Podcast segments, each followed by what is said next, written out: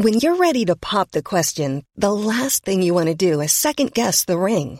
At Bluenile.com, you can design a one of a kind ring with the ease and convenience of shopping online. Choose your diamond and setting. When you find the one, you'll get it delivered right to your door. Go to Bluenile.com and use promo code LISTEN to get $50 off your purchase of $500 or more. That's code LISTEN at Bluenile.com for $50 off your purchase. Bluenile.com code LISTEN. Facebook vet vel at det bare er ei Marianne i mitt liv. VGs engasjement i sosiale medier falt kraftig i mars, men det gjorde ikke de alternative nyhetsstedene.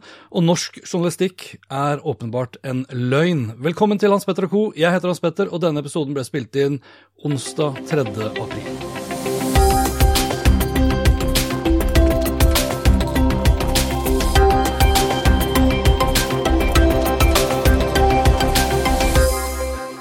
Ok, jeg kommer til å begynne denne episoden her med et par eh, frustrasjoner, rants, oppgitthet, uh, ilandsproblemer, kall det hva du vil, irriterende og egentlig unødvendig burde det hele være. Og la meg først begynne med Facebook. Facebooks uh, algoritmer, og da spesifikt mot, mot, Instagram. For algoritmer er jo på mange måter den nye oljen, hvis du vil, og det sier jeg med et snev av sarkasme og en god dose alvor samtidig.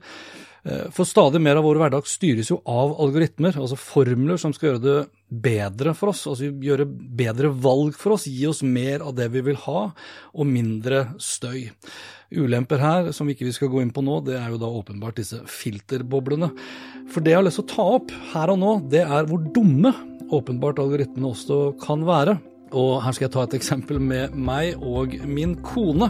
Altså, Vi har vært gift nå siden juli 2007, og det vet Facebook veldig godt. Men tror du Facebook bruker den kunnskapen til å hjelpe meg med å søke opp Marianne NH når jeg skal tagge henne i et bilde eller en video på, på Instagram? Nei da, det gjør de overhodet ikke. Heller tvert imot. Altså, I stedet for så får jeg opp mange andre Marianner som jeg for ordens skyld ikke har særlig med interaksjon med heller. Eh, så det er ikke algoritmene som har skjøvet min Marianne lenger ned fordi jeg mest av alt interagerer med andre Marianner. Det holder til og med ikke å skrive inn krøllalfa Marianne NH eller Nei da, altså ofte som jeg søker henne opp aktivt. Sist uke så var vi da på en tur til Tokyo sammen, og da tok jeg naturlig nok en drøss med bilder og videoer som jeg også da behørig delte, mest av alt da på Instagram Stories. Men for hver bidige tilfelle hvor jeg ønsket å tagge eller nevne krøllalfa Marianne NH, så måtte jeg altså da aktivt uh, søke henne opp. Så Facebook, please, jeg er gift med Marianne. Det vet du, Facebook. Jeg tagger henne i alle aktuelle tilfeller der jeg deler noe på plattformen din. så og, og det, er ikke, det, er ikke, så rent sjelden, så hvorfor i all verden bruker dere ikke den innsikten til noe mer fornuftig? Og det er ikke bare Facebook som bruker huet sitt, eller som ikke bruker huet sitt. Ta Netflix f.eks., og muligheten som vi har fått nå til å laste ned filmer og serier til f.eks. av iPaden din, slik at du har noe å se på når du skal ut på en lengre reise. Eh, hvilket vi var, da. Vi satt jo da 11 timer, 10 eh, 000 meter pluss over, over havet her. Eh, og fløy da ned fra Oslo til, til Tokyo med, med, SAS. Og jeg er fullstendig klar over at SAS har fått wifi på de fleste flyturene sine, men opplevelsen av deres trådløse nettverk ja, det, det, er ganske langt unna, for ikke å si 10 000 meter unna, den opplevelsen jeg hadde da jeg var med på deres jomfrutur for high speed internett tilbake i mai 2018. For det funka som en drøm. Der, der klarte jeg å strømme fire kanaler samtidig på laptopen, eh, men vi var ikke der når vi dro til Tokyo. Det var så vidt båndbredde til å oppdatere Instagram-feeden min, så Derfor, klok av tidligere skader, så ville jeg laste ned et par serier som jeg, eh, som jeg, hadde lyst til å se på, slik at jeg hadde nok innhold på flyturen. Netflix scorer jo høyt for bruk av deres eh, altså stordata og algoritmer, som gir meg gode forslag, selv om jeg sjelden ser noen norske serier f.eks. For bli foreslått, eh, foruten 22.07 og The Norseman. Men Netflix bruker åpenbart ikke algoritmer, kunstig intelligens eller bare sunn fornuft til å laste ned episoder fortløpende, altså kronologisk. Istedenfor å gå da og laste ned episode 1, 2, 3, 4, 5 kronologisk, så er det jo hipp som happ. Så jeg satt jo der og hadde dårlig tid.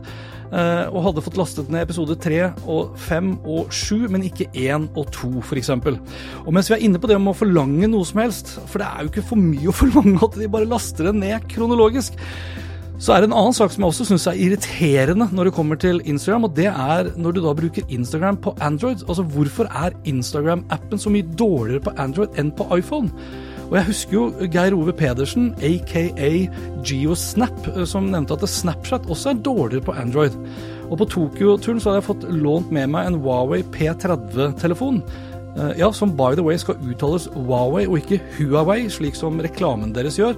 Men anyways, tilbake til Instagram. Under Tokyo-turen så tok jeg mer eller mindre utelukkende bilder og filmsnutter med P30-mobilen, ikke med min egen iPhone X. Rett og slett fordi P30 tar ufattelig mye bedre bilder enn iPhone. Men kan det virkelig være så forbanna vanskelig å lage en tilsvarende app til Android som til IOS?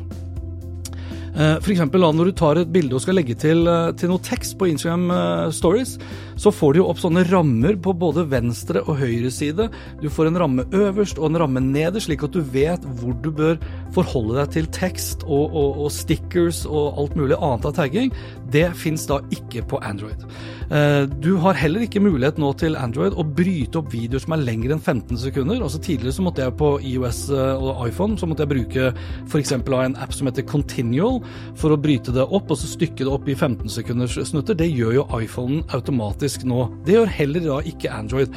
Og bare som en sånn liten kuriositet, hvis du zoomer inn et bilde på, på Instagram, i feeden din, så kan du jo slippe den ene fingeren etter at du har zooma med to fingre. Så kan du slippe den ene fingeren for å holde det i den zooma eh, utgaven. Det kan du heller da ikke gjøre med Android. Så ja, for God's sake, Get your act together. Og det siste sukket her nå, før vi går videre i episoden, det går til Apple. For hvordan kan det ha seg at det å koble opp en Android-telefon som personlig bredbåndsruter fungerer bedre og raskere mellom en Android-telefon og en Mac versus en iPhone til Mac?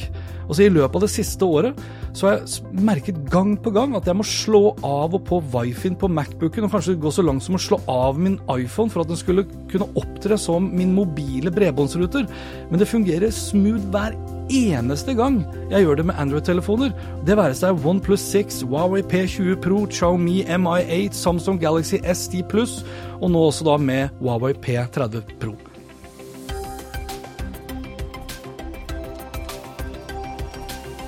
Fast innslag her i podden ved inngang til en ny måned, det er en liten gjennomgang av hvilke nettaviser som skapte størst engasjement i løpet av måneden som gikk, eh, og da mest av alt på Facebook. Og jeg har da valgt å sammenligne måneden som gikk med året før, altså mars 2019 mot mars 2018. Og mens TV 2 var den store taperen i januar og februar med henholdsvis 24 og 31% nedgang, så var det VG som stakk av med sisteplassen i mars, eh, for øvrig etterfulgt av TV 2. Og Engasjementet her det består av delinger, kommentarer og likes, og det er av analysetjenesten Storyboard, som da overvåker nyheter som deles i sosiale medier, som sitter på den innsikten. Så langt i 2019 så er det de alternative nyhetssidene som har stått for mesteparten av veksten, anført da av Resett, Sosialnytt, Newsner og eh, dokument.no. Og andelen de alternative nyhetssidene har oppnådd blant landets da topp ti, har også vokst kraftig så langt i år. Som i februar så var det da tre alternative nyhetssider inne på topp ti-listen. Dokument.no, som var inne på topp ti-listen i januar, den falt ut til fordel for ABC-nyheter, som fortsatt er inne nå på topp ti-listen i mars. Og de tre alternative sidene de vokste med 92% i mars 2019 sammenlignet med mars 2018. Samtidig så faller faktisk da de resterende syv nettsidene med ja, det er ikke mye, 1% hvor VG og TV 2 står for den største nedgangen. Med den oppgangen som de alternative nyhetssidene sto for, samtidig som vi så en nedgang i de tradisjonelle, så vokser også da andelen som de alternative nyhetssidene står for totalt, når vi ser på da eh, topp ti. Og de vokser med ikke mindre enn 75% år over år, fra at de hadde en andel på 11% i mars 2018 til nesten 20% nå i 2019. TV 2 hadde som sagt den største nedgangen i januar og februar. I mars er det VG som faller mest. De faller da med hele 35% mens TV 2 faller nesten like mye som de gjorde i februar, med 20% Størst vekst blant de tradisjonelle mediene var NRK med 33% Dagbladet kommer etter med 25% og Aftenposten med 12% Og av de fem sakene som engasjerte mest, så var det faktisk ingen av nettavisene sine egne saker som skåret høyest. Det var det derimot uh, blogger, influenser, uh, instagrammer, youtuber Kristin Gjelsvik som, uh, som, gjorde. Hun stakk av med hele 74 477 delinger slash likes slash kommentarer, og det er nesten dobbelt så mye som plass nummer to til det norske folk fra en passasjer på Viking Sky som BT skrev 27. mars, med rett under 40 000 delinger totalt. Og Det var jo da Kristin Gjelsvik sin video Eh, nå er det nok, Sofie Elise, som kom da inn på førsteplass fra hennes egen nettside, som da førte til eh, debatt på NRK osv. Så, videre. så det, hun fikk jo bra drahjelp, ikke bare fra sosiale medier, men også fra de tradisjonelle nyhetene. Husker du sist gang Netflix skrudde opp eh, prisen sin? Det tror jeg faktisk du gjør, for det skriver mediene Hiring for your small business? If you're not looking for professionals on LinkedIn, you're looking in the wrong place. That's like looking for your car keys in a fish tank. LinkedIn helps you hire professionals you can't find anywhere else, even those who aren't actively searching for a new job but might be open to the perfect role. In a given month, over 70% of LinkedIn users don't even visit other leading job sites. So start looking in the right place. With LinkedIn, you can hire professionals like a professional. Post your free job on linkedin.com slash achieve today. Why don't more infant formula companies use organic, grass-fed whole milk instead of skim? Why don't more infant formula companies use the latest breast milk science? Why don't more infant formula companies run their own clinical trials? Why don't more infant formula companies use more of the proteins found in breast milk? Why don't more infant formula companies have their own factories instead of outsourcing their manufacturing? We wondered the same thing. So we made ByHeart, a better formula for formula. Learn more at byheart.com. Opp og ned om, og det gjør de selv om prisene ikke blir skrudd opp i Norge. Sist gang eh, Netflix justerte prisene sine var i midten av januar, eh, og jeg ble til og med intervjuet om det. Største prisopp i USA noensinne, het det da. Og det var snakk om et ganske så realt prisbyks, hvis du vil, på da hele 18% Nå følger Aftenposten etter og øker abonnementsprisen med enda mer. Hold deg fast 25% fra 199 kroner per måned til 249 kroner. og det er dog da nesten ingen som har skrevet om det. Derfor nevner jeg det her. I en e-post til meg heter det at, og jeg siterer, ditt abonnement gjør det mulig for oss å øke satsingen på digitalutgavene vår, og i 2019 blir den bedre enn noensinne. Vi skal gi deg oppsiktsvekkende avsløringer, fortelle deg sterke historier, levere fakta og gi deg forklarende journalistikk du kan styre livet ditt etter. Alt eksklusivt for deg som abonnent. Nå skal det jo legges til at Aftenposten ikke har økt prisen siden de lanserte digitalabonnementet sitt i 2012, altså da snakker vi syv år siden. Samtidig er 25% et ganske kraftig byks i det som allerede er et ganske stort mediekonsumeringsbudsjett for mitt vedkommende. Jeg publiserte f.eks. artikkelen 'Death by Subscription' i midten av januar i år, samtidig som Netflix da økte abonnementsprisen sin i USA. Og da telte jeg opp 30 forskjellige abonnement som sto på meg privat eller på mitt selskap, inkludert Aftenposten, og siden den gang så har det også blitt et par til. Og da skrev jeg bl.a.: Sluttsummen på kassalappen endte på over 86 000 kroner i året, eller 7225 kroner i måneden. Og da hadde jeg heller ikke telt med medlemskapet mitt på Elixia, NRK-lisensen, leasingavtalen på min, eh, eller da, DNB da, sin eh, Tesla, kostnader i tilknytning til det å ha bankkort osv. osv. osv. Altså av de 86 000 kroner i året så står aviser, nyheter og strømmetjenester for 22% tilsvarende 1600 kroner per måned. og Det er igjen eksklusiv da NRK-lisensen. Det er dog mye høyere enn gjennomsnittsnordmannen, som ifølge Kantar-undersøkelsen Norske husholdningers medieutgifter bruker om lag 30 000 kroner i året på medier. 12 000 kroner på innhold og 16 000 kroner på distribusjon. Og av distribusjon er det da mobilen som drar mest, nesten 7000 kroner. Selv så bruker jeg nesten 20 000 kroner i mobilen på året. Da skal det også da legges til at den er flittig brukt som, jeg var inne på tidligere, mobil bredbåndsruter når vi f.eks. er på ferie osv. Lenken til Kantar sin undersøkelse det finner du i bloggposten for denne episoden her på hanspetter.info.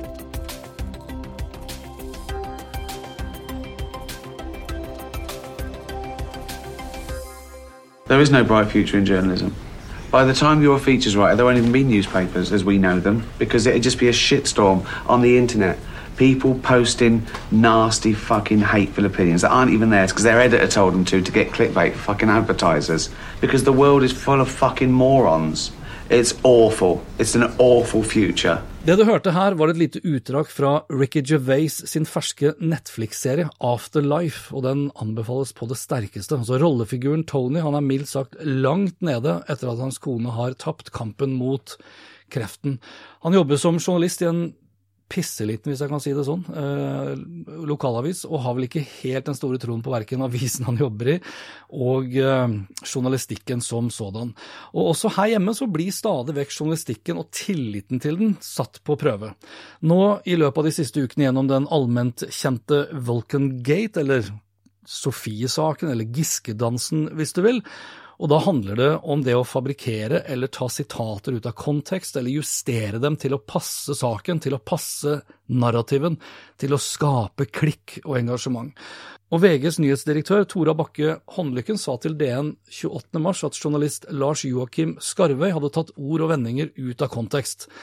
Artikkelen fikk det til å høres ut som det var et unntak, vil jeg si, men men er ikke det her egentlig regelen, at sitater blir titt og ofte plukket litt fra hverandre og plassert inn i den konteksten journalisten gjerne ønsker, for å passe inn i den vinklingen man ønsker å få liksom ut av saken? Igjen for å få større engasjement fra oss publikum, skape flere kliks, slik at vi tjener mer penger.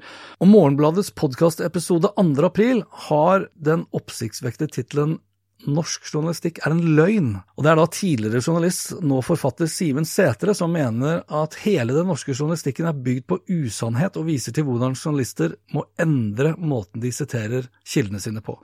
Sofie-saken den er veldig komplisert, og handler på mange måter om hvordan norske journalister forholder seg til sitering og sitater, og her til lands så forholder man seg også ganske annerledes til sitering av kilder opp imot hvordan det f.eks. har utøves i bl.a. USA og England.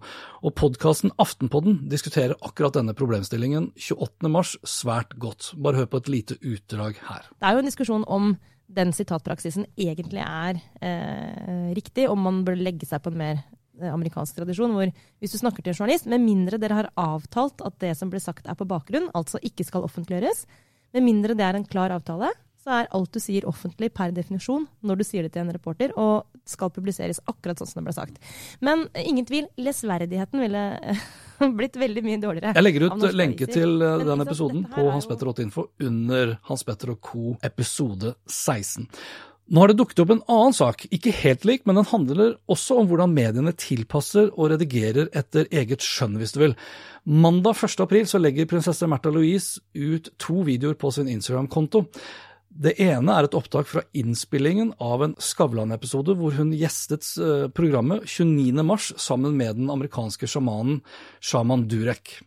I det andre videoklippet så ser vi hvordan det endelige programmet ble klippet til, og her er det helt åpenlyst at ord og innhold er redigert og tatt ut av kontekst for å gjøre svaret mer oppsiktsvekkende og ikke minst kontroversielt. For vi vet at dårlige nyheter selger bedre enn gode.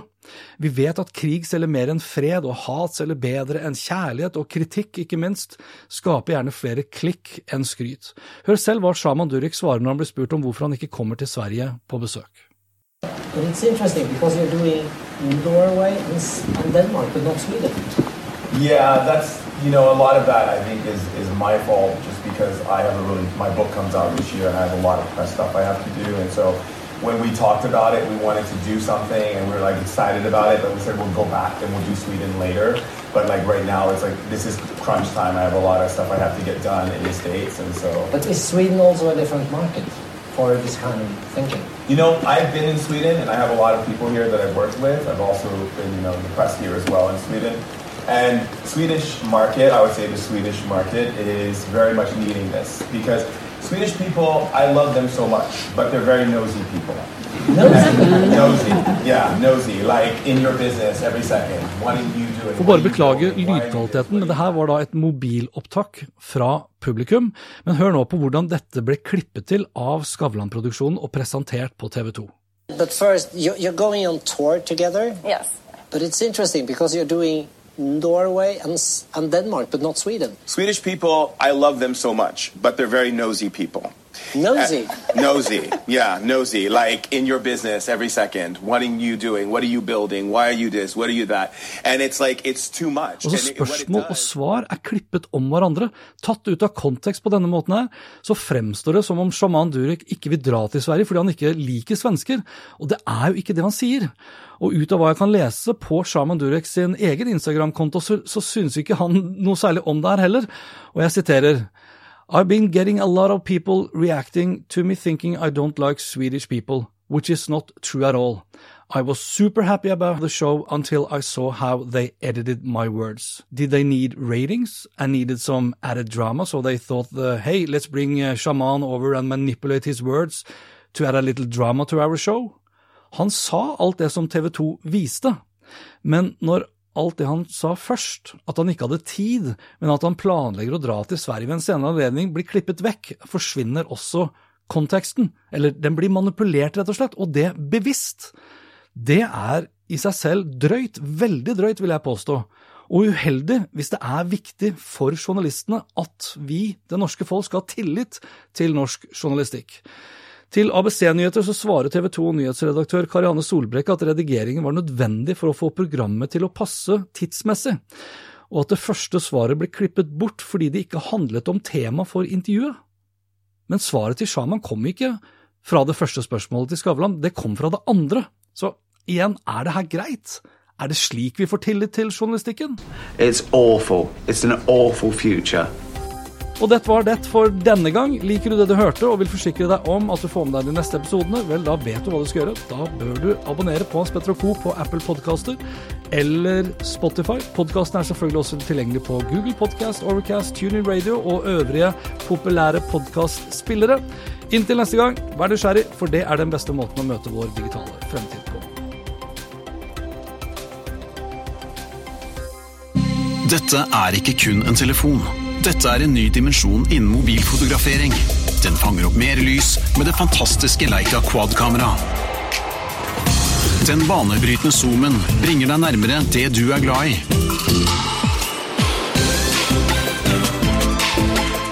Den har også en super spektrumsensor som gjør mørke om til lys. Rewrite the rules of photography med Huawei P30 Pro.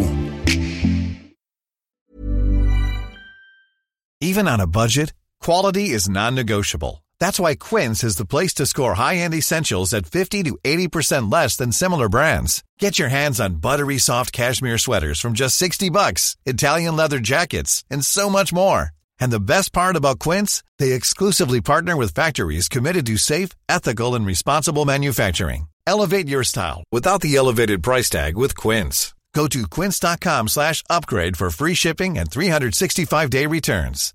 My business used to be weighed down by the complexities of in-person payments. Then, Tap to Pay on iPhone and Stripe came along and changed everything. With Tap to Pay on iPhone and Stripe, I streamlined my payment process effortlessly. Now I can accept in-person, contactless payments right from my iPhone. No extra hardware required. What's truly remarkable is how I can cater to all of my customers' payment preferences. Whether they're using cards, Apple Pay, or other digital wallets, Tap to Pay on iPhone and Stripe ensure a smooth checkout experience every time. And it's not just me. Stripe helps businesses of all sizes, from local markets to global retailers, scale quickly and stay agile. To learn how Tap to Pay on iPhone and Stripe can help grow your revenue and reach, visit stripe.com slash tap iPhone.